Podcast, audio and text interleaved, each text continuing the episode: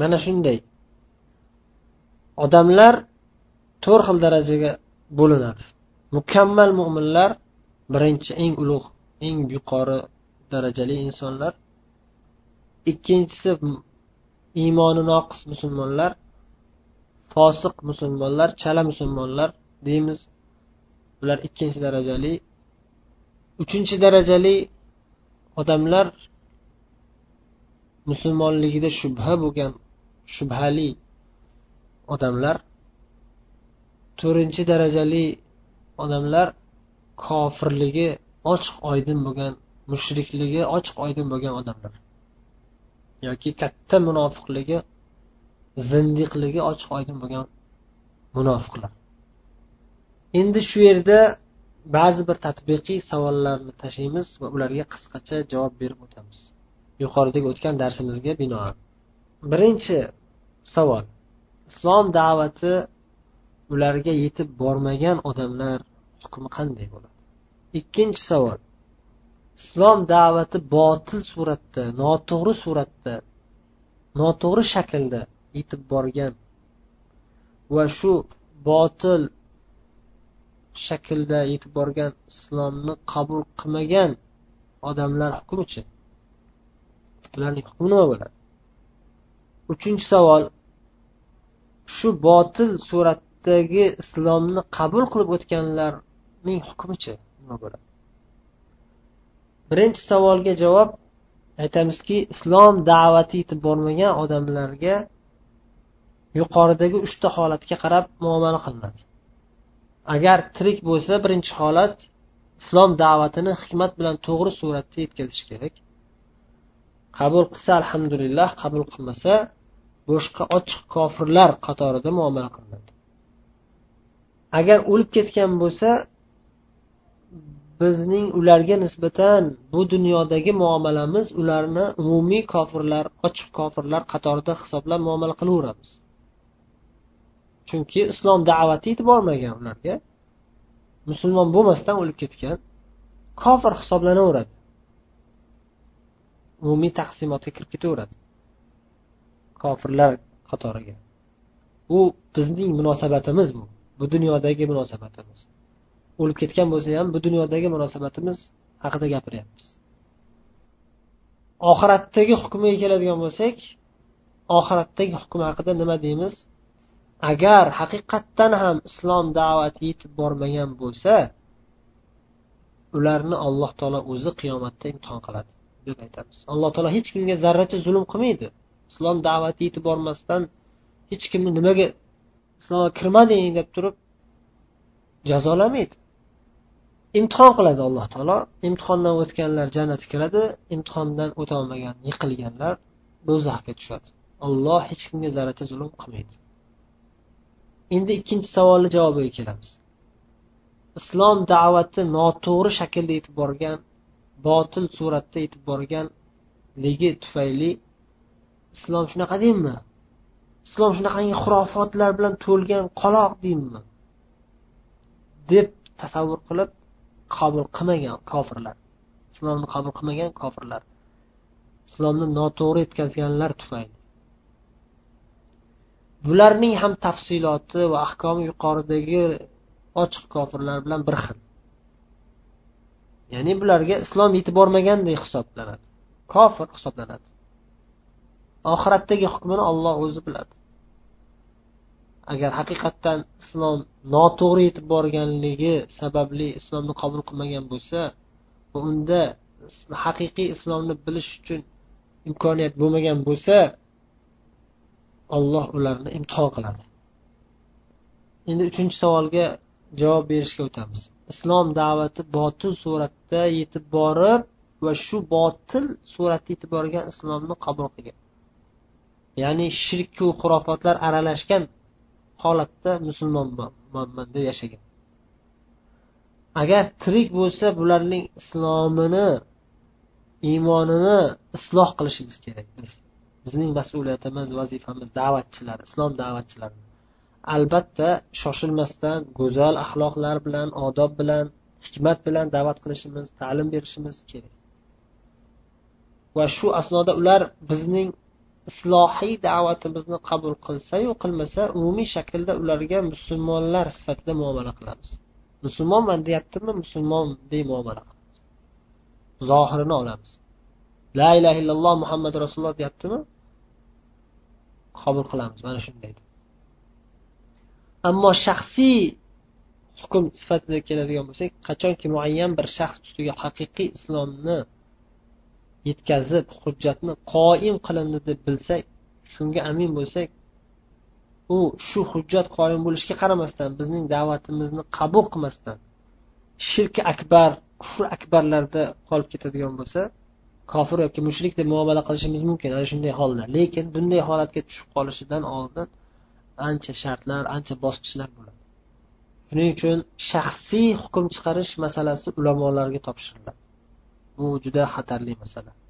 Biz umumiy qoida bilan aytamizki shirk akbar kufr akbar qilgan odam dindan chiqib ketadi. Kofir bo'ladi. Man musulmonman desa ham. Kofir bo'ladi. Mushrik bo'lib ketadi. Man musulmonman deyishi foyda bermaydi. Va yana bitta umumiy qoida shuki man musulmonman deb la ilaha illalloh muhammad rasululloh deb guvohlik bergan odamni musulmon deb muomala qilinadi. Musulmon deb muomala qilinaveradi toki muayyan bir shaxsni olib kelib shirki akbar qilganini isbotlab shundan tavba qilmasa keyin qozi uni kofir bo'ldi deb hukm chiqarsa ana shu holatgacha biz uni musulmon deb muomala qilib turamiz. Kofir deb hukm chiqarilgandan keyin qozi tarafidan yoki ulamolar tarafidan agar mahkamaga tortish iloji bo'lmaydigan holat bo'lsa ulamolar uni kofir deb mushrik deb fatvo bermaguncha biz umumiy davosini e'tiborga olamiz. La illaha illalloh muhammad rasululloh degan davosini e'tiborga olib musulmon sifatida muomala qilaveramiz. Demak shu yerda chigal nuqta bor. Shunga ehtiyot bo'lish kerak. Birinchi nuqta bilan ikkinchi nuqta bir biriga aralashib ketib qoladi. Ko'pchilik odamlar bir biri bilan aralashtirib tashlaydi. Bir birisiga chalkashtirib yuboradi. Biz umumiy qoidani bayon qilishimiz kerak va bu islom da'vatini eng asosiy nuqtasi bu. Shirki akbar kufr akbar bular islomdan chiqarib tashlaydigan odamni kofir mushrik qiladigan eng katta gunoh. Mana shuni biz umumiy qoida sifatida doim ta'kidlab da'vat qilib nasihat qilib shuni ochiq oydin qilib bayon qilamiz. Bu birinchi nuqta. Bu masala ya'ni shu masala haqida gapirganda shuni shunday bayon qilamiz. Endi shaxs bor bu yerda. Masala bilan shaxs aralashmaslik kerak. Masala shunday. Shirk akbar keltirishlik islomdan chiqarib tashlaydi. Masala shunday. Birinchi nuqta. Ikkinchi nuqta shaxs haqida. Shaxs modomiki man musulmonman deyaptimi la ilaha illalloh muhammad rasululloh deyaptimi shirk akbar qilib qo'ysa ham hukm chiqarishga shoshilmaslik kerak. Yaqin bilan sobit bo'lgan hukmni qabul qilib turish kerak. La yazuru illa biyaqin degan qoida shu yerda amal qiladi. Modomiki la ilaha illalloh muhammadu rasululloh deb islomga kirganligi ochiq oydin bo'ldimi? Endi qolgan shirk akbar qilib qo'yganligi nimaga qilib qo'ydi? Johilmidi? Majburlanganmidi? Yoki aql hushi joyida emasmidi yoki boshqa har xil holatlar har xil ehtimolotlar bo'ladi. O'shaning uchun deyiladi. Ehtimol voqe bo'ldimi buni dalil qilib ketib bo'lmaydi deyiladi. Ya'ni bu odam asl qoida bo'yicha musulmon bo'lganida la ilaha illalloh deb keyin shirk akbar qilib qo'ygan. Shirk akbar qilib qo'yishligiga sabab har xil ehtimolotlar bor. O'shaning uchun bu ehtimolotlar sababli mushrik deb hukm chiqarilmaydi musulmon bo'lganligi e'tiborga olinib o'shani hurmat qilib turiladi. To ulamolar qozilar tarafidan bir narsa deb hal qilinmagunga qadar hujjatni qoyim qilib ustidan o'sha mas'ul odamlar hukm chiqarmagunga qadar uni musulmon deb e'tibor qilib turiladi. Musulmon deb muomala qilinadi. Mana shu nozik nuqtani yaxshilab e'tibor berishinglar kerak doimo. Birinchi nuqta bu masala ilmiy masala. Bu umumiy qoida. Kimki shirk keltirsa kofir bo'lib ketadi degan qoida. Ikkinchi nuqta bu shaxs ustidan hukm chiqarish. Shaxslar ustidan hukm chiqarish. Bu xatarli masala ehtiyot bo'lish kerak. Biz hozir islomni noto'g'ri suratda tushunib shu noto'g'ri botil suratdagi islom bilan yashayotgan odam haqida gapirayotgandik u odam tirik odam bo'lsa nima qilish kerakligini aytdik. Endi o'lib ketgan bo'lsachi o'lib ketgan bo'lsa mo'min musulmonlar sifatida muomala qilinadi. Modomiki la illaha illalloh muhammad rasululloh deb yashaganmi musulmonlar sifatida musulmonlar safida muomala qilinadi. Bu masalada ya'ni o'lib ketgandan keyingi holatida umumiy holati ham shaxsiy holati ham bir xil. Endi oxiratdagi hukmiga keladigan bo'lsak aytamizki alloh alam. Biz ayni shu shaxsni hukmini bilmaymiz. Ayni shu shaxsni hukmini bilmaymiz olloh biladi biz biladigan masala umumiy hukm. Agar qaysiki bir shaxs islomni qabul qilsayu lekin noto'g'ri yetib borgan bo'lsa unga botil suratda botil shaklda yetkazilgan bo'lsa u odam shu botil suratdagi islomni to'g'ri deb o'ylab qabul qilgan bo'lsa va shuning shu sababli kufr akbar yoki shirak akbar qilib qo'ygan bo'lsa olloh o'zi ko'rib turibdi uzrini biladi. Alloh taolo rahmonu rahim bo'lgan zot. Hech qaysi bir insonni uning aybisiz azoblamaydi. Insondan ayb bo'lmagan bo'lsa alloh taolo uni azoblamaydi. Alloh taolo qur'oni karimda biz elchi yubormagunimizga qadar azoblamaymiz degan. Elchi yubormagunimizga qadar azoblamaymiz degan. Rasul ya'ni elchi allohning payg'ambari yoki payg'ambarning o'rinbosari mana shu oyatni ma'nosi kiradi. Ular albatta islom dinini haqiqiy go'zal suratida yetkazadilar. Allohning payg'ambari payg'ambarlarning o'rinbosarlari islom dinini haqiqiy go'zal suratida yetkazadilar. Kimgaki shunday yetib bormagan bo'lsa go'zal suratda yetib bormagan bo'lsa u odamga haqiqiy islom diniga yetib bormagan bo'lsa alloh taolo hech qachon hech kimni insonlarga haqiqatni ochiq oydin qilib ko'rsatmagunga qadar azoblamaydi. Lekin islom da'vati ya'ni yagona ollohning o'zigagina sig'inish kerakligi alloh taologa hech narsani shirk qilinmaslik kerakligi yetib bormaydigan odamlar aslida butun dunyo bo'yicha hisoblanganda ham juda ham kam bo'ladi. Chunki alloh taolo o'zining hikmati va qudrati bilan o'zining butun dunyodagi bandalariga haqiqat nurini turli xil sabablar turli xil vasilalar vositalar orqali yetkazib unga tabiiy da'vatlar yetib turadi. Odamlarga tabiiy da'vatlar yetib turadi hatto. Dunyodagi voqealarga qarasangiz islom da'vatchilarining da'vatlari bilan islomni qabul qilayotganlardan ham o'z uz o'zidan islomni topib haqiqatligini bilib o'rganib islomni qabul qilayotganlar soni ko'proqqa o'xshaydi. Bu albatta allohning o'z bandalariga bo'lgan marhamati shuning uchun ham alloh taolo qur'oni karimda aytadiki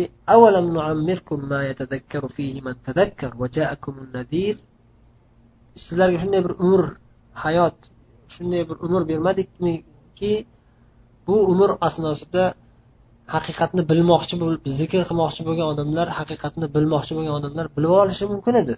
Shu haqiqatni bilib o'rganib tagiga yetgunga yetishgacha kerakli bo'lgan e, yetarli umr berdik degan ma'noda alloh taolo aytgan.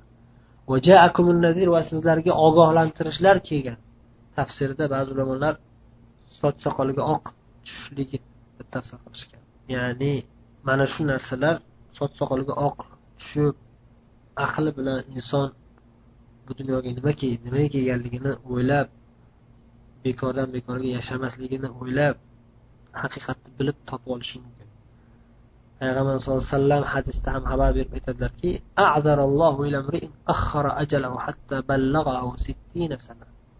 qaysi bir odamniki alloh taolo oltmish yoshga yetguncha ajalini uzaytirib umrini uzoq qilib bergan ekan oltmish yoshga yetguncha yashagan ekan haqiqatni topolmay qolishiga hech qanday uzr qoldirmagan bo'ladi degan ma'nodagi hadis sahih hadis.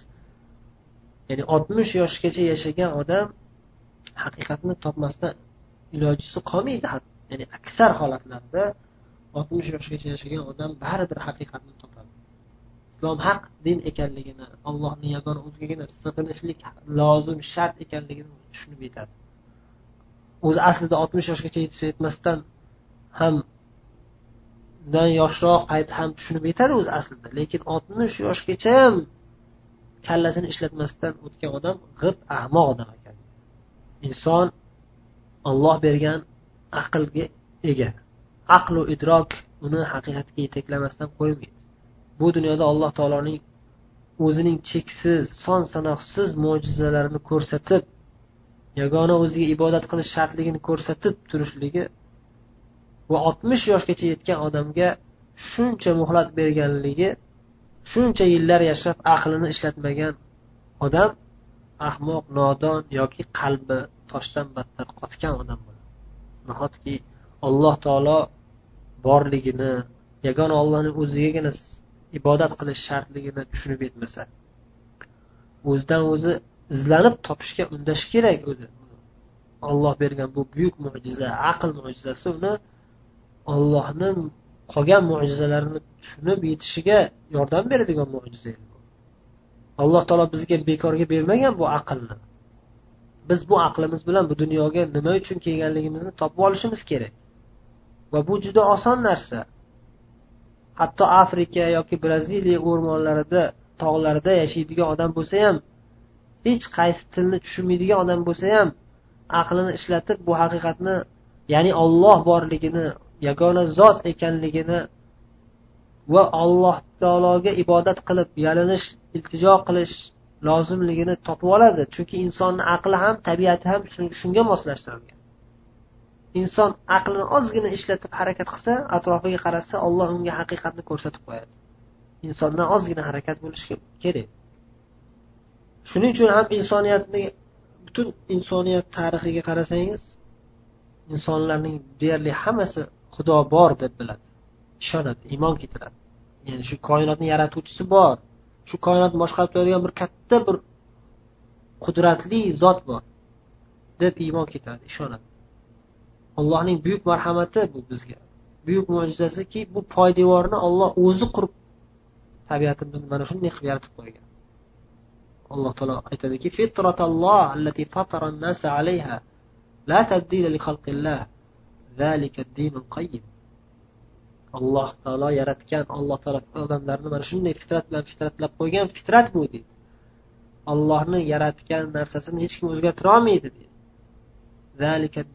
qayyim mana shu din eng to'g'ri din ya'ni tavhid dini yagona ollohni o'zigagina sig'inishlik dini shuni tafsirida rasululloh sollallohu alayhi vasallam aytadilarki biron bir tug'ilayotgan bir chaqaloq yo'qki illo magaram fitratda tug'iladi. Ya'ni islomda bir rivoyatda islomda tug'iladi. Yagona ollohni o'zigina ibodat qiladigan tavhid tabiati bilan tug'iladi. Ya'ni allohni yagona o'zigagina sig'inishlik kerakligini biladigan bo'lib tug'iladi. Tabiatan shunga mos bo'lib tug'iladi. Agar o'z holiga qo'yilsa tavhidda o'sadi u odam. Shirk keltirmaydigan bo'lib o'sadi. Yagona allohga iltijo qilib yalinib allohga yalinib yolvorib yashaydigan bo'lib tug'iladi. Lekin voqeda nima bo'ladi? Lekin voqeda ota ona yo yahudiy bo'lib uni yahudiy qilib yuborishadi. Yoki xristian ota ona bo'lsa xristian qilib yoki majusiy dinsiz ota ona bo'lsa majusiy qilib imom buxoriy rivoyat qilgan sahih hadis. Yana imom muslim rivoyat qilgan hadisda ham aytadilarki alloh taolo aytadiki hadis qudsiy bu. Ibadi hunafa men bandalarimni hunafa hanif qilib yaratdim ya'ni tavhid bilan yaratdim. Kullahum. Hamma bandalarim barcha bandalarimni yagona ollohning o'ziga sig'inadigan yagona ollohning o'zigagina ibodat qiladigan qilib yaratdim lekin voqeda nima bo'ldi lekin ularga shaytonlar kelib ularni dinidan ya'ni tavhid dinidan yagona allohga sig'inish kerak bo'lgan dindan mana shunga da'vat qiladigan dindan ularni tortib ketdi. Burib yubordi endi alloh taolo nima uchun shaytonlarni yaratdi? Imtihon uchun. Ya'ni qani mana o'zini men yaratgan tabiatda sobit qadam tura oladimi bu odam? O'zini shaytonga qarshi kurashib mana shu tavhidda mustahkam tura oladimi imtihon uchun yaratdi. Lekin ko'pchilik bu imtihonda turib berolmadi shunday bo'lsa ham alloh taolo rahm qildiki marhamati kengligidan alloh taolo bilmasdan kishi ketirib o'tib ketadigan bilmasdan kofir bo'lib ketadigan islom da'vatini yetib bormagan yetib bormasdan yana ham ta'kidlab ya'ni yetib bormasdan. O'zi aslida o'zi tavhid bilan tug'ilgan edi lekin katta bo'lganda aylon atrof hammasi mushriklar aylon atrof hammasi buzilgan jamiyat bo'lganligi tufayli bu ham shunday bo'lib mushrik bo'lib o'tib ketib qoldi. Islom da'vati tavhid da'vati qayta takrorlanib ta'kidlanib kelmadi unga shunday holat bo'lgan bo'lsa alloh taolo qiyomatda azoblanmaydi bu odamni imtihon qiladi. Shundan bilamizki alloh taoloning yagonaligini bilish yagona ollohning o'zigagina sig'inish lozimligi insonning fitratida hammamizning fitratimizda tabiatimizda bor narsa. Olloh bizni o'zi shunday yaratgan. Shuning uchun ham allohning borligini qadim qadimdan insoniyatning mutlaq aksariyat qismi aksariyat qismi ya'ni to'qson to'qqiz foizdan ham ko'pi e'tirof etgan inson alloh taolo borligini va shunga ishongan hatto allohga sig'inib yalinib iltijo qilib kelgan. Lekin shu ana ana shu ana shularning aksariyati ko'pchiligi ya'ni allohga iymon keltirib turib aksar odamlar iymon keltirgan dedik allohni borligiga allohga sig'ingan dedik. Lekin shu bilan birga ana shu aksar odamlar yana allohga sig'inish bilan birga boshqalarga ham duo iltijo qilib boshqalarga ham sig'inib shirk keltirib qo'ygan. Mana shuni isloh qilish uchun alloh taolo payg'ambarlar yuborgan. Payg'ambarlar yo'lini tanlagan mo'minlar mana shu shirk xurofotlardan o'zlarini salomat saqlashgan va tavba qilishgan. Payg'ambarlarning da'vati yetib kelishi bilan tavba qilishgan. Biz payg'ambarlar yo'lini lozim tutadigan mo'minlar ham vazifamiz mana shu vazifa payg'ambarlarning vazifasi. Barcha odamlarni faqat ollohning o'zigagina sig'inishga chaqirib da'vat qilishimiz kerak. Asosiy poydevorimiz shu bo'lishi kerak.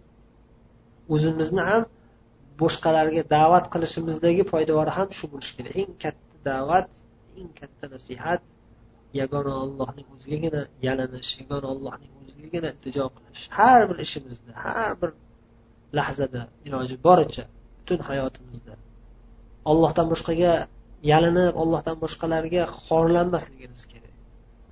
Biz mana shu vazifamizni bajarishda qusurlik qilayotgan dangasalik qilayotgan xato qilayotgan bo'lsak ham lekin bu dunyodagi odamlar allohning o'zining bandalari bo'lganligi uchun olloh o'zi bizga tashlab qo'ymasdan alloh o'zi turli xil yo'llar bilan ham odamlarni shu haqiqatga yetaklab turibdi. Shu haqiqatni alloh taolo ularga ko'rsatib alloh o'zi ularni hidoyat qilib turibdi hatto. Shuning uchun ham aytmoqchi bo'lgan nuqtamiz shuki tavhid da'vati yetib bormasdan o'lib ketayotganlar o'zi juda kamdan kam. Tavhid da'vati deyarli hammaga yetib boradi alloh o'zi tabiiy yo'llar bilan ham yetkazib lekin baribir shunday bo'lsa ham ba'zilar shirk va kufr bilan o'lib ketib qolishi islom da'vati noto'g'ri suratda yetib borib shu botil suratda yetib borgan islom bilan o'lib ketib qolishi bu ham ba'zida uchrab turadigan holat. Bularni ham alloh taolo qiyomatda o'z hikmati o'z rahmati va o'z adolati bilan o'zi hal qiladi. Lekin biz bu dunyodagi holatda bilishimiz kerak bo'lgan nuqtalar bilishimiz kerak bo'lgan taqsimotlar odamlarga qanday munosabatda bo'lishimiz kerak bo'lgan masalalar yuqorida aytib o'tildi. Shuning uchun kimniki biz kofir deb muomala qilsak ham bu degani bo'ldi endi bu odam shu bizning hukmimizga binoan do'zaxga ketadi degani emas. Biz yuqorida aytganimizdek zohirga qarab muomala qilamiz. Maxfiy holatini olloh o'zi biladi. Agar haqiqatdan ham kofir bo'lgan bo'lsa va unda hech uzri yo'q bo'lgan bo'lsa unda do'zaxiyligi aniq. Kofirlar do'zaxiyligida shak shubha yo'q. Kofirlar albatta do'zaxiy bo'ladi. Va ular do'zaxiy bo'lishiga ham loyiq haqli badbaxtlar bo'ladi. Alloh taolo hech kimga zarracha zulm qilmaydi. Shunday badbaxt kofir kimsa bo'ladiki ular do'zaxga loyiq bo'lganligi uchun ham olloh do'zaxni yaratgan. Yana bir bor yuqorida aytib o'tgan qoidamizni eslatamiz. Biz zohiriga qarab hukm chiqaramiz. Va qur'oni sunnatning manhajini lozim tutamiz. Qur'oni sunnatning manhaji tariqati umumiy qoidalarni bayon qilib beradi. Zaruriy holat bo'lmasa juda ham ahamiyatli narsa yoki shaxs bo'lmasa shaxslarni tayin qilinmaydi. Shaxslar bilan shug'ullanib o'tirilmaydi. Falonchi unaqa pistonchi bunaqa qur'oni sunnatni manhajiga teskari bu shaxslar bilan shug'ullanish. Qur'oni sunnatning manhaji umumiy qoidalarni umumiy sifatlarni bayon qilib beradi. Mo'minlarning sifati mana bunday bo'ladi. Mana bu ishlarni qiladiganlar mo'min bo'ladi. Mana bu ishlarni qilish kerak deb alloh taolo qur'onda rasululloh hadisda bayon qilib beradilar. Kofirlarning sifati esa mana bunday. Mana bu ishlarni qilgan odamlar kofir bo'ladi zolim bo'ladi. Mana bu ishlarni qilmaslik kerak. Mana bunday qilsa odam zolim bo'lib qoladi. Mana bu ishlarni qilsa kofir bo'ladi. Munofiqlarning sifati mana bunday. Deb mana shunday sifatlar qoidalar bilan bayon qilib beradi. Ammo shaxslarni bittan bitta sanab o'tirilmaydi sifatlaru qoidalarni bayon qilib berilganda aqli idroki zakovati yetarli o'rtacha bo'lgan odam o'zi to'g'ri tushunib yetadi yetarli nasihat. Qoidalarini bayon qilib berishlik sifatlarni kerakli sifatlar nimayu zararli sifatlar nimayu qilish kerak bo'lgan ishlar nimayu harom ishlar nimayu shuni bayon qilib berilgandan keyin aqli zakovati joyida bo'lgan odamlar o'zi tushunib yetadi. Mana shu haqiqat yo'li. Endi e, imom tahoviyning quyidagi so'zlariga o'tamiz. Imom tahoviy keyingi nuqtada quyidagi yana bir qoidani bayon qilib o'tyaptilar ولا يخرج العبد من الإيمان إلا بجحود ما أدخله فيه banda iymondan chiqib ketmaydi toki u ana shu iymonga olib kirgan narsani inkor qilmagunga qadar dedilar bu ham umumiy bir qoida inson iymonga qanday kiradi shahodat kalimasiga qalbi bilan iymon keltirib tili bilan ham aytib keyin kiradi iymonga ya'ni qachonki qalbi bilan ishonsa va tili bilan aytsa ana shunda musulmon bo'ladi mo'min bo'ladi. Shunda biz u odamni musulmon bo'ldi deymiz. Musulmon deb qabul qilamiz. Endi olloh asrasinu bu odam murtad bo'lib ketadigan bo'lsa qachon va qanday murtad bo'lib ketib qoladi? E, musulmon bo'ldi degan bo'ldi o'lguncha musulmon bo'ldi. Xotirjam bo'laversin xotirjam bo'linaversin degani emas. Musulmon bo'lib qaytib kofir bo'lib ketishi mumkinku olloh asrasin. Qachon bilamiz bu odam kofiru murtad bo'lib ketdi qachon hukm chiqara olamiz qachonki u mana shu shahodat kalimasini yoki ushbu shahodat kalimasi taqozo qiladigan iymon va islom rukunlarini inkor qilsa ana shunda u kofir bo'lib iymondan chiqib ketadi. Ushbu qoidaning tafsilotiga juda ham ko'p masalalar kiradi. Ulamolar buni fiqh kitoblarining murtadlar ahkomini bayon qilish boblarida tafsilotlari bilan zikr qilib keltirishadi. Ularning ba'zilarida ixtiloflar bor. Masalan namoz o'qimagan odam agar namozni farzligini inkor qilmasa yuqorida imom tahoviy aytadilarki inkor qilish bilan deyaptilar chiqib ketadi lekin bu inkor qilmasachi namozni farzligini inkor qilmadiyu lekin namoz o'qimaydi. Namoz o'qimay qo'ydi. Yoki umuman namoz o'qimasdan yuradi. Kofir bo'ladimi yoki yo'qmi? Bu masalada ixtilof bor.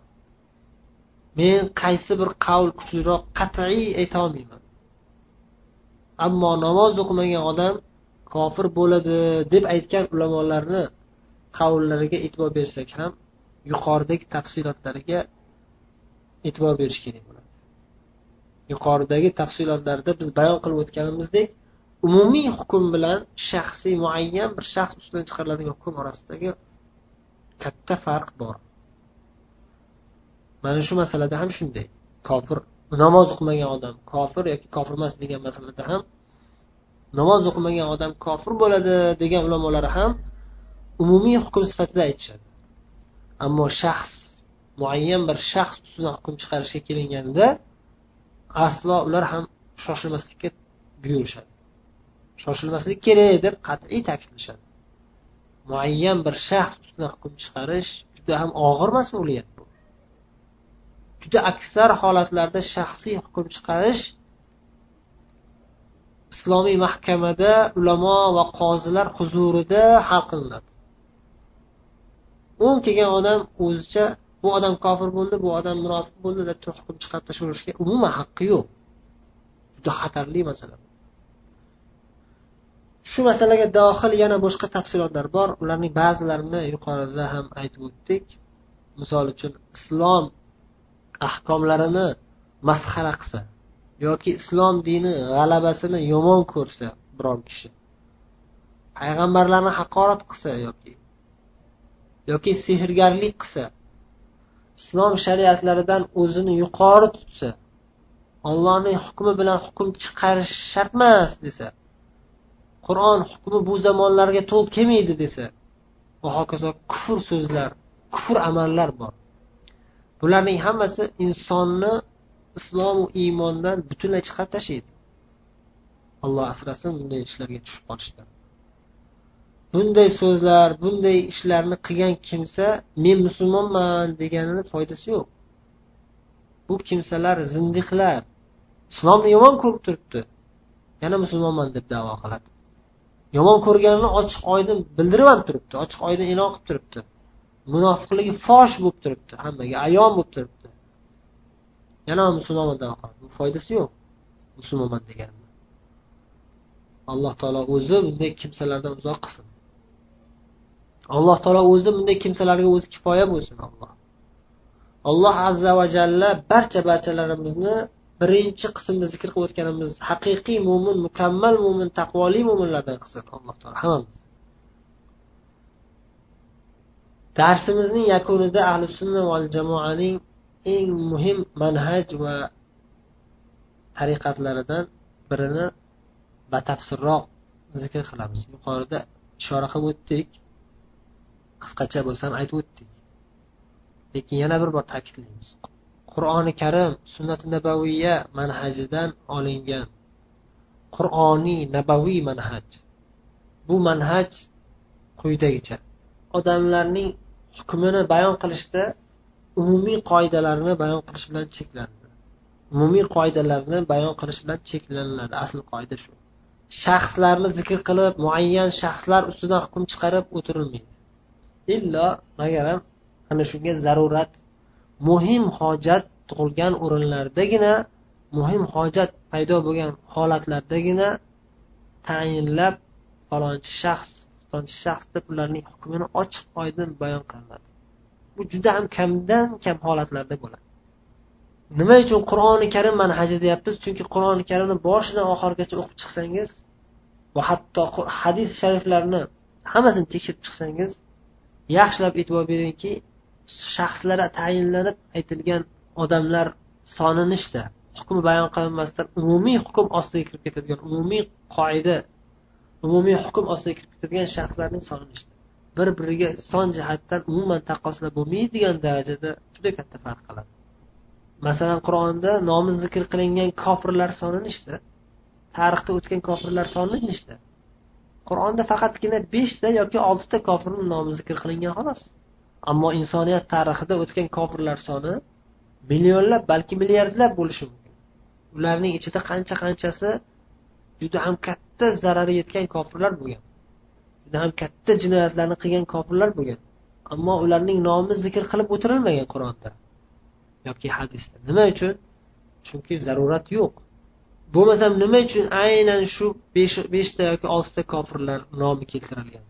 Fir'avn homon qorun abu lahab. Nima uchun ayni shu besh oltita odam nomi zikr qilingan xolos? Chunki bularning nomini zikr qilib bularning qissalarini keltirib o'tish ibrat uchun zikr qilish juda ham zarur juda ham muhim bo'lganligi uchun alloh taolo ularni zikr qilgan. Hadislarda ham shunday. Rasululloh sollallohu alayhi vasallam manhajlari shaxslar bilan shug'ullanib o'tish emas edi. Shaxslar bilan shug'ullanish emas.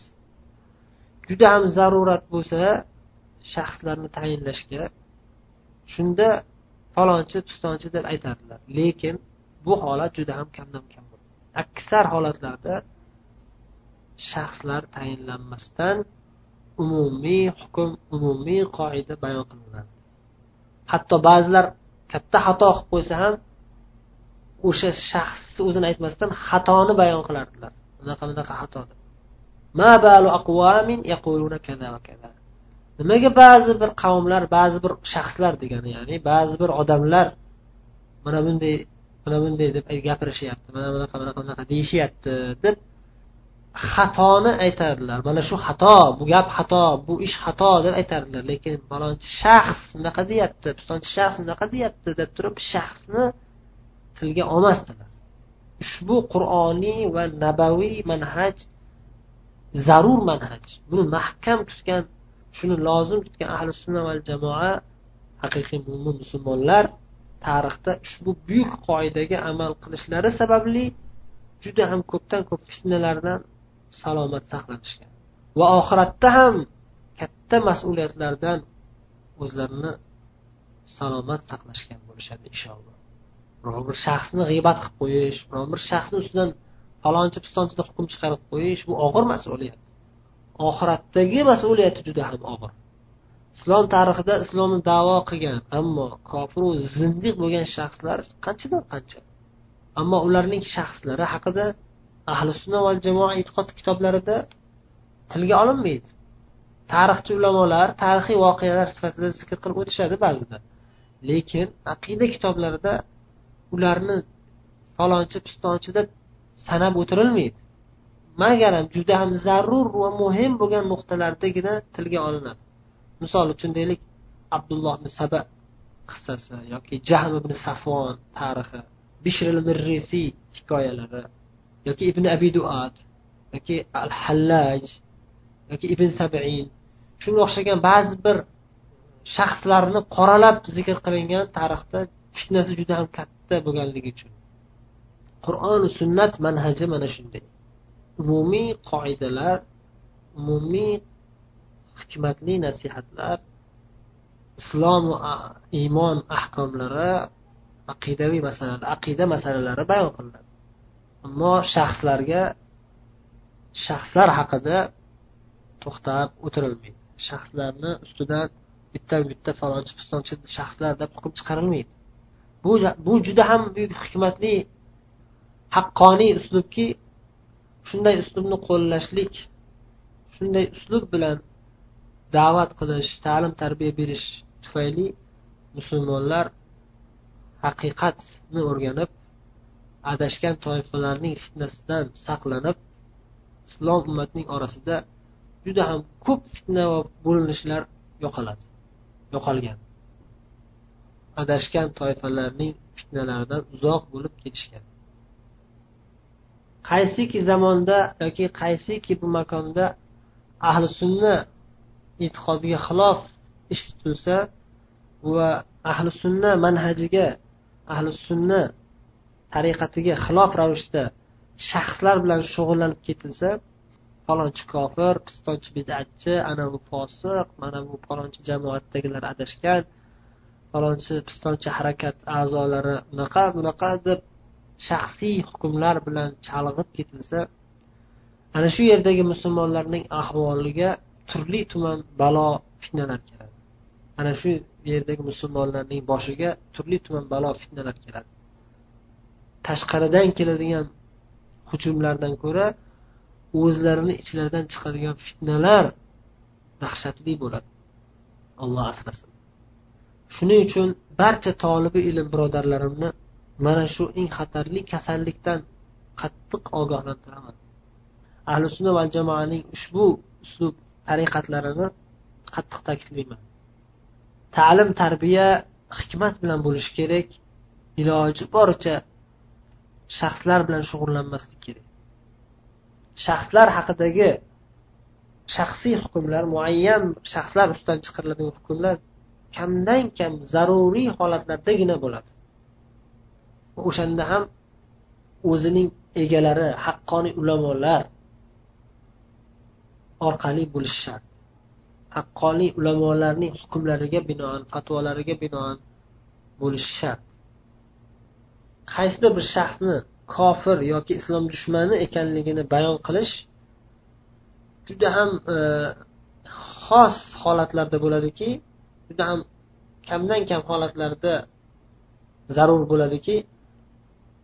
Bu ana shu shaxs islom ummati orasida juda ham katta fitnaga sabab bo'layotgan bo'lsa o'zining kufriy shirkiy e'tiqodini ochiqdan ochiq e'lon qilib fitna qilayotgan bo'lsa va tavbaga chaqirilsa nasihat qilinsa qabul qilmayotgan bo'lsa shunga o'xshash holatlarda shaxsi tayinlanmasa bo'lmaydigan holat bo'ladi. Shu o'rinda yana bir narsani ta'kidlash bilan darsimizni tugatamiz. Biz har birimiz bir tolibi ilm sifatida qaysiki bir masalada bizda ishtiboh tug'ilib qolsa yaxshi tushunolmay qoladigan bo'lsak ana shu masalada sukut saqlashimiz salomatlik yo'li bo'ladi. Masalan siz ochiq oydin ravshan bo'lmagan biron bir ilmiy masalada boshingiz qotayotgan bo'lsa tilingizni ehtiyot qiling. Modomiki siz shu masala haqida sukut saqlar ekansiz siz salomatsiz inshaalloh. Fitnaga tushmaysiz. Tilingizni ehtiyot qilsangiz doimo fitnaga tushmaysiz inshaalloh. Qaysiki bir masala sizga ravshan bo'lmasa siz qo'lingizdan kelganicha ilm olishga harakat qildingiz shuni tushunishga harakat qildingiz lekin baribir yaxshi tushunolmasa tushunolmasangiz siz shu masalani ko'z yumib ketavering shunda siz salomat bo'lasiz. Alloh taolo qur'oni karimda la yukallifullohu nafsan illa usaha deb aytib qo'ygan. Alloh taolo hech qaysi bir jonzotga uning toqatidan ortiq narsani yuklamaydi. Ilmiy masalalar ham shunga kiradi. Ilmiy masalalarni o'rganishga harakat qilamiz.